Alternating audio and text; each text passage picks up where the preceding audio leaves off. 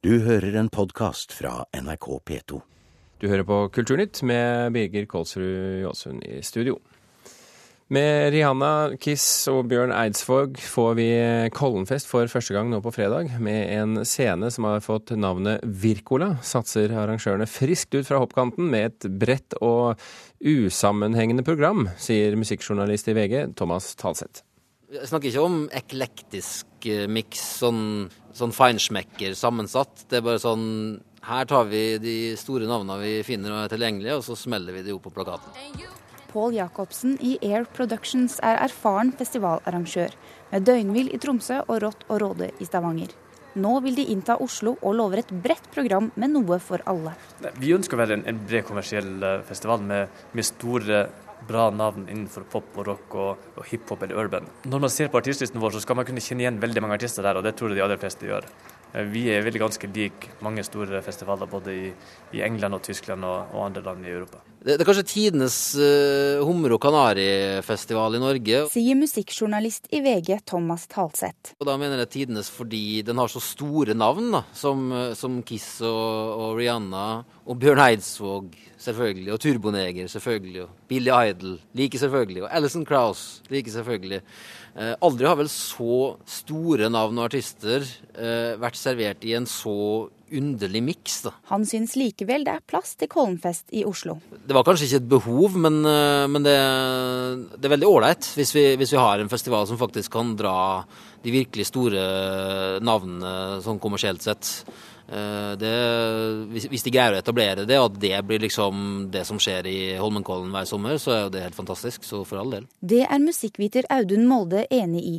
Han lurer på hva slags profil festivalen egentlig skal ha. Jeg spurte på Twitter i går om noen hadde noen meninger om profilen til Kollen. og Et av svarene jeg fikk, var at eh, det ser ut som de har bare tatt det de tilfeldigvis fikk inn den helga. Og Sånn er jo internasjonal festivalbooking. Det er veldig avhengig av å avtale god tid på forhånd, at det passer inn i artistene sine turnéruter. Det er masse logistikk som skal på plass. Og Kollen satser jo veldig bredt. Eh, det har ingen tydelig profil. Det skal være noe for alle. Han påpeker at en festival der folk kommer igjen, er en festival der folk vet hva de får. Det, det går egentlig på å bygge tillit over lang tid. Altså De må ha tillit fra publikum, at det skaper en god opplevelse. Festivaler er opplevelsesindustri. Uh, og så må de skape tillit hos artister og arrangører, eh, bookingselskaper. Sånn at folk vet at Kollen er erfarne folk som man kan stole på. Noe mer enn at profilen er bred, sier ikke arrangørene, men forsikrer at det er mange som har kjøpt billett. 20 000 om dagen i hvert fall. Og det har dere fått bekrefta på billettallene? Ja, vi har, vi, vi har, solgt veldig, veldig bra. Så vi er jo allerede Norges største, som da er over 14 000-15 000 uh, solgte. Og vi ser også at vi kommer til å nå 20 000, og det er vi veldig veldig glade for. Om festivalens profil er noe uklar, er festivalgjengerne som var tidlig ute for å hente seg billetter og armbånd tirsdag ettermiddag, helt klare over hvilken profil de gledet seg til å se. Til å se Rihanna. Eh, Rihanna. Og så skal jeg se på Rihanna. Med oss fra Bergen nå har vi musikkjournalist og redaktør i bladet Eno, Eirik Kydland. Du er i Bergen nå, men kommer til Oslo i en særen for å dra på Kollenfest. Eh, Eirik, hva er det som lokker deg til denne festivalen? Nei, For meg personlig er det egentlig først og fremst den amerikanske R&B-produsenten og låtskriveren The Dream som, eh, som lokker meg over fjellet ens ærend for å besøke festivalen. Så Hva er det med han? Nei, Han er uh, en av vår tids store låtskrivere. Han har skrevet låter for bl.a. Rihanna og Beyoncé, og har også gitt ut flere soloalbum som inneholder eh, fengende og lidenskapelig og morsom musikk. Så, og han, er, han, kommer til Norge da for første gang, så da må jeg kaste meg på toget. Tidenes hummer- og kanarifestival ble det sagt her, er du enig i det? Ja, Det er jo et eh, program som det er vanskelig å bli helt klok på.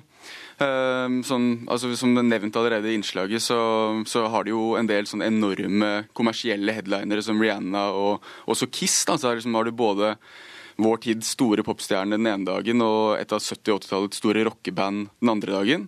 Og så under da en ganske sånn absurd og bred blanding artister da, fra, i spennet fra Billy Idol til Turboneger, Noel, Noel Gallagher og Bjørn Eidsvåg. Så det er veldig bredt og kanskje vanskelig å se, for, se liksom tydelig for seg hvem den typiske Kollenfest-gjengeren er.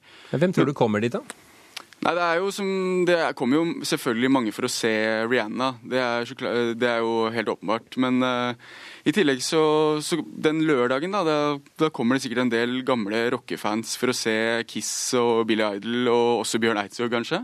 Men som sagt så er det sånn den, å se for seg hvem den uh, kjernegjengeren på den festivalen her er, det er vanskelig å se. Men uh, kanskje de har klart å knekke en, en kode som er vanskelig å se umiddelbart. Hva slags festival tror du det blir? Ja, Det er jo også vanskelig å si, fordi uh, en festival er jo Det er ikke sånn at det, man får en god festival nødvendigvis bare ved å sette opp uh, et par scener på en uh, parkeringsplass. En festival må jo ha god stemning, det må være et velfungerende område uten masse køer, det må ha god mat osv. osv. Og dette er jo utfordringer for en helt ny festival på et helt nytt område. da. Og så det blir jo det blir spennende å se. Det, det, er helt åpenbart at det er en ambisiøs og sprek satsing fra Kollenfest. Um, vi har jo Samme helg så er det jo HV-festivalen og også VG-lista topp 20-arrangementet på Rådhusplassen. Så, så veldig sprekt er det, men uh, det er jo bra, det. Det er jo ikke derfor vi er her på jorden, for å gjøre enkle og safe ting. Blir det vanskelig å følge opp uh, neste år? Det gjør det, uh, helt klart. Men men eh, de har jo lagt lista temmelig høyt med, med Rihanna. altså da Høyere er det kanskje vanskelig å gå. da, det, da kan vi, Jeg vet ikke hvem vi kan se for oss. Kanskje Madonna neste år eller noe. Justin Bieber, tenker jeg. Justin Bieber, selvfølgelig. ja, ja. Jeg håper jo også på det. Nei, men eh, det er, eh, det er vanskelig å, å si. Vi, vi, får vel egentlig vente til etter helgen, da, med både vi kritikere og festivalen, med å, med å evaluere hvordan det har gått. Når du snakker med dine kollegaer, kritikerne, eh, tar, tenker dere og snakker dere om at man nå kanskje er i ferd med å nå et metningspunkt i forhold til store festivaler i Norge? Det finnes jo festivaler nå for uh, enhver smak etter hvert. Du har festivaler som er spesialtilpasset barn, spesialtilpasset de som liker metal, uh, hiphop, alle mulige uh, smale sjangere. Uh, og dette her, denne Kollenfest jo, representerer jo en litt annen type festival ved at den jo satser på å være uh, å trekke de virkelig store kommersielle navnene. Så som Thomas Talseth sa, så er det sånn Det føles ikke som noe behov nødvendigvis. Det er ikke sånn at vi må ha det, men, men uh, det kan hende at det fyller en nisje, og at det vil fungere. Eirik Kydland, redaktør i bladet Eno, tusen hjertelig takk for at du kunne være med i Kulturnytt, og lykke til med turen over fjellet. Um, vi skal videre i sendinga.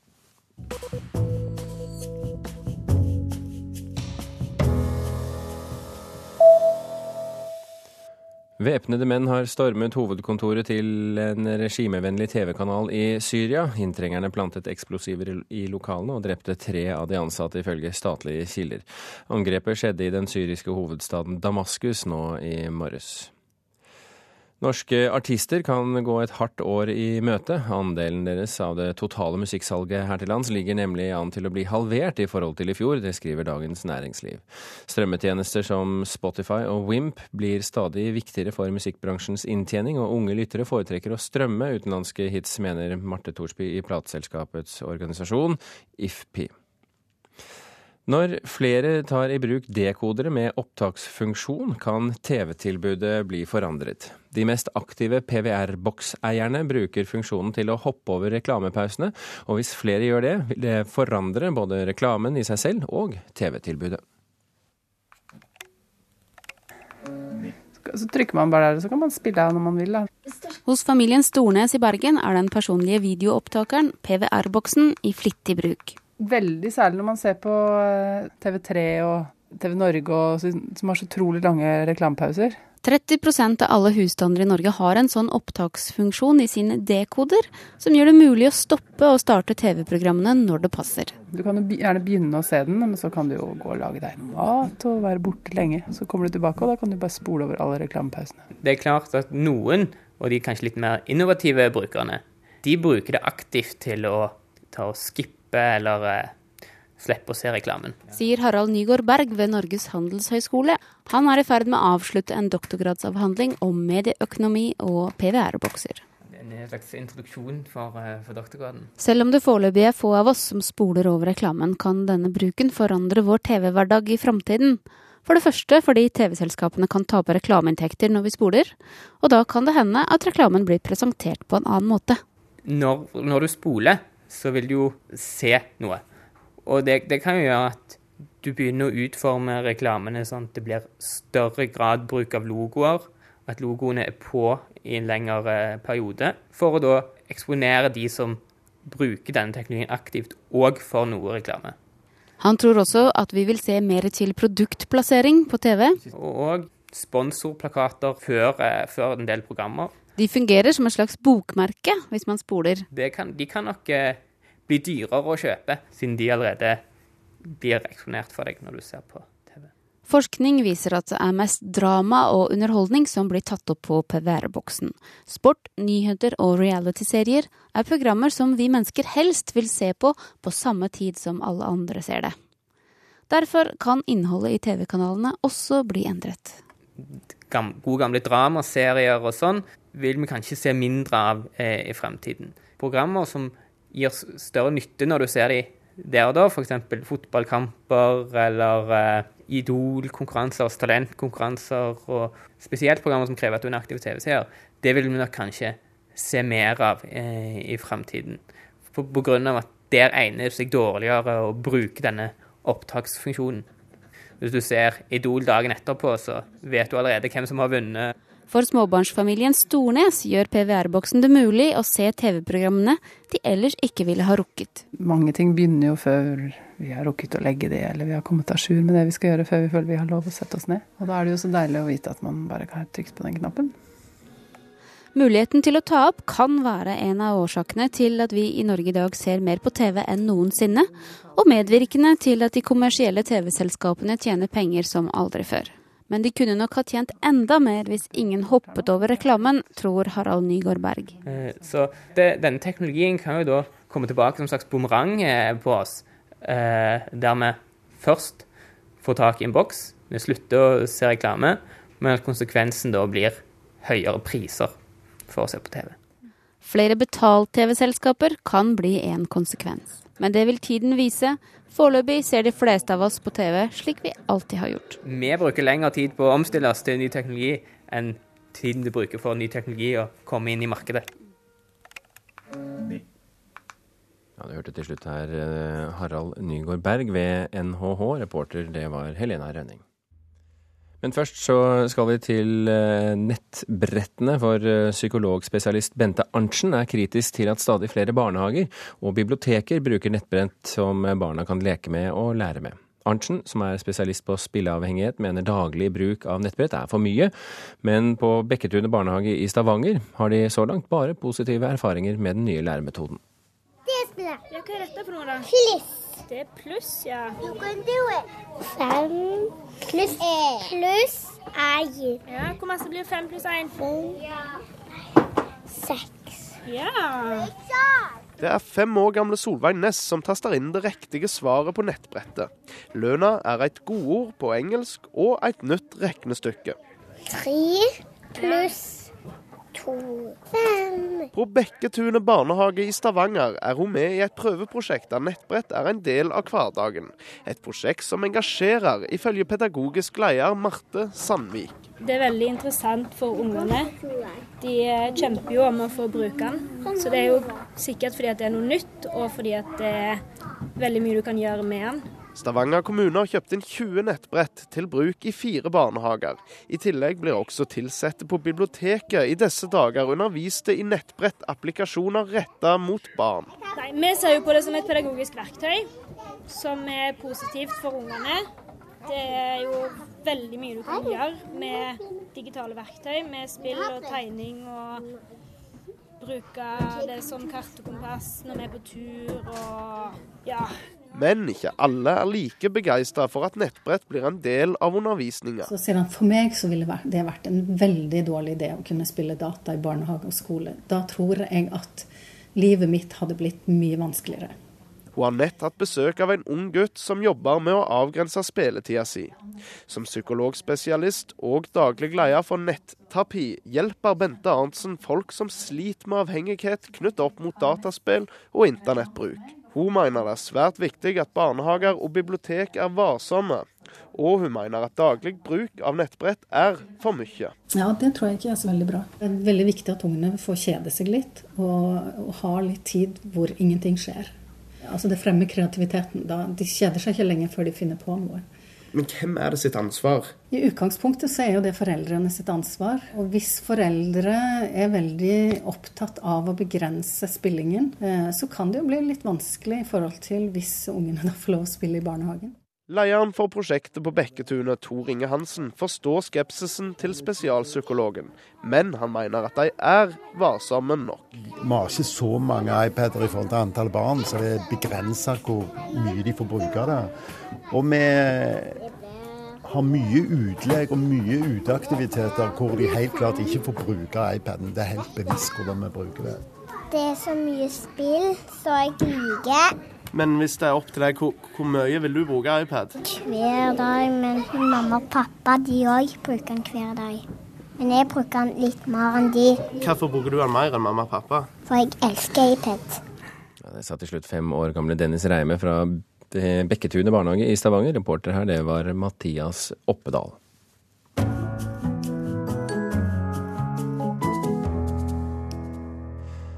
Vatikanet henter nå inn en journalist fra den konservative amerikanske TV-kanalen Fox for å bedre sitt rykte. 52-åringen Greg Burke skal rydde opp etter at Vatikanstaten den seneste tiden har slitt med avsløringer om interne maktkamper. I USA har dessuten en overgrepsdom mot en amerikansk prest satt den katolske kirke i et dårlig lys, samtidig som radikale nonner anklages for å ha undergravet den katolske lære. Det skriver Aftenposten i dag.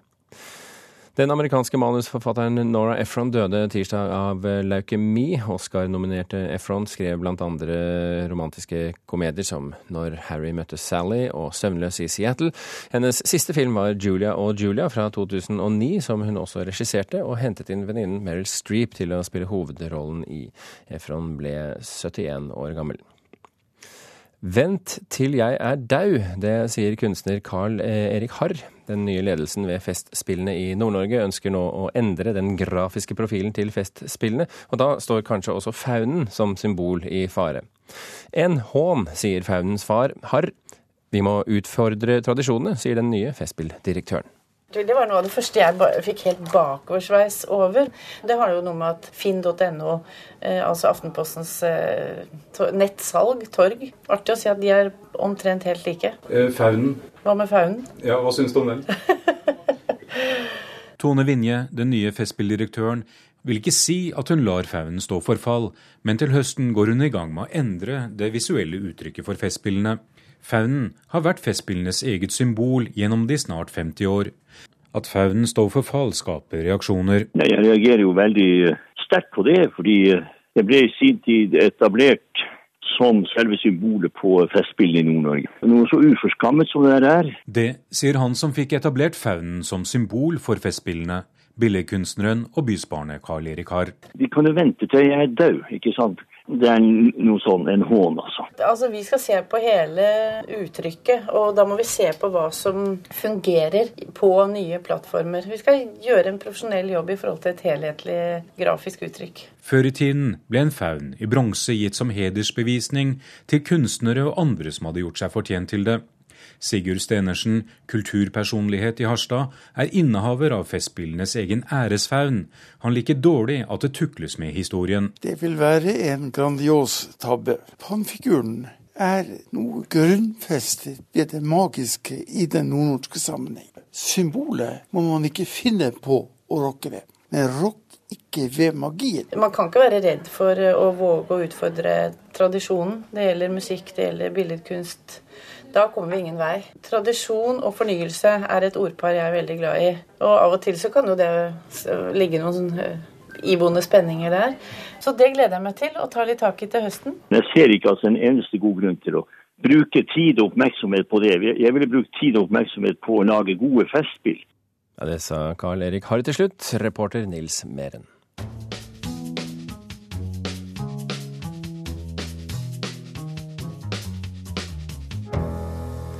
Det finnes ingenting mer livsbejaende enn å være mørkredd. Slik lyder tittelen på novellesamlingen til debutanten Stig Beite Løken. Vår anmelder Leif Ekle har lest novellene om hva som skjer, eller kanskje kan skje, når lyset er borte. Å lese novelledebutanter er ofte fin lesning. Unge eller bare nybakte forfattere som trår til med noveller i første utgivelse, har gjerne et pågangsmot og en skrivende vilje som står i forhold til talentet. Slik er det også med Stig Beite Løken, og talentet er like tydelig som det er uomtvistelig. Tittelen 'Det finnes ingenting mer livsbejaende enn å være mørkredd' er ikke bare god som vekker for nysgjerrigheten, den sier også mye om innholdet i denne vesle boka.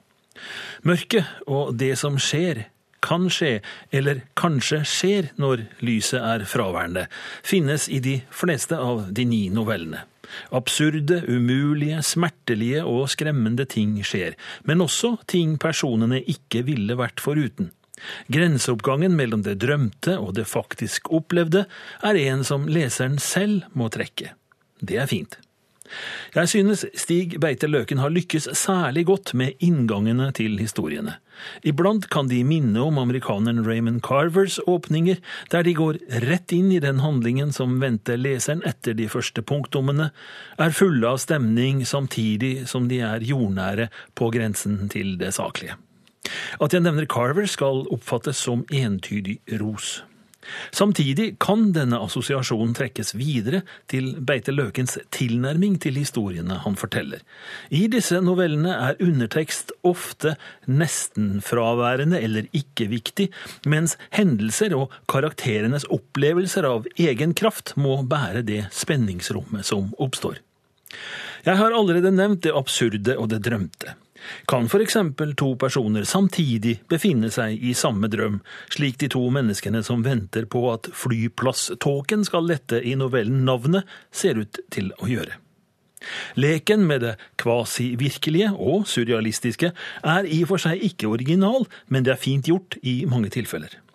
Den surrealistisk pregede beretningen om en klassetur i skogen, der fauna og natur med ett endrer seg radikalt, fremstår allikevel mest som en godt utført skriveøvelse, men ikke så mye mer.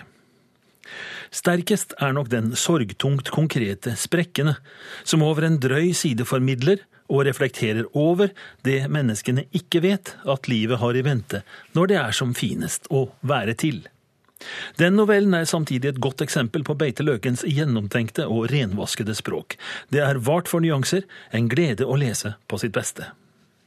At den unge forfatteren så tydelig bygger novellene omkring unge liv, er også en styrke i denne samlingen. Ja, Det sa vår anmelder Leif Ekle. Kulturnytt runder nå av. I dag har vi fortalt at kritikerne mener den nye festivalen Kollenfest er tidenes hummer- og kanarifestival, og at det kan bli mer sport og nyheter på TV hvis flere tar i bruk opptaksfunksjonen på dekoderen. Dessuten at fabeldyret faunen kan forsvinne som symbol for festspillene i Nord-Norge. Vent med å ta den bort til jeg er dau, sa kunstner Carl Erik Harr.